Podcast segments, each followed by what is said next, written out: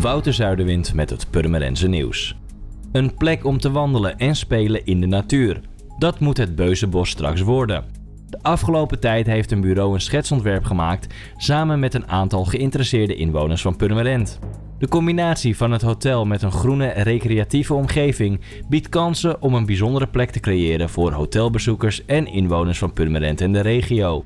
Het college wil graag meer omwonenden en andere inwoners van Purmerend betrekken bij de plannen voor de inrichting van het bos en daarom worden de plannen momenteel voorgelegd aan een internetpanel van de gemeente. Dit panel bestaat uit zo'n 2500 Purmerenders en is qua samenstelling een goede afspiegeling van de stad. Naar verwachting neemt het college dit voorjaar een besluit over het schetsontwerp. Daarna wordt het plan aan de gemeenteraad voorgelegd. Het Purmerends SP-raadslid en fractievoorzitter Ruben van Kuik stapt op. Hij heeft dat schriftelijk laten weten aan de gemeenteraad. Van Kuik vertrekt omdat hij zich niet meer herkent in het landelijke en Europese beleid van de SP. Die is zich steeds feller gaan verzetten tegen de Europese Unie, terwijl Van Kuik samenwerking toejuicht. Ook het negatieve asielzoekersstandpunt van de SP is de voormalig vluchtelingenwerker een doorn in het oog. Van Kuik wordt als fractievoorzitter en enig raadslid opgevolgd door huidig commissielid Theo de la Haye.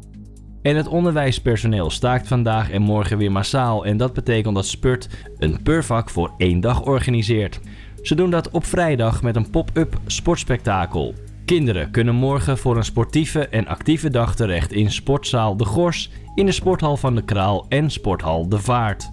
Ook rugbyclub Waterland en het NKT organiseren activiteiten om schoolgaande kinderen bezig te houden. Onder het motto Geen school, wel theater organiseert het NKT twee dagen vol zang, dans en spel. Rugbyclub Waterland verzekert schoolgaande kinderen beide dagen van een mix van sport en spel.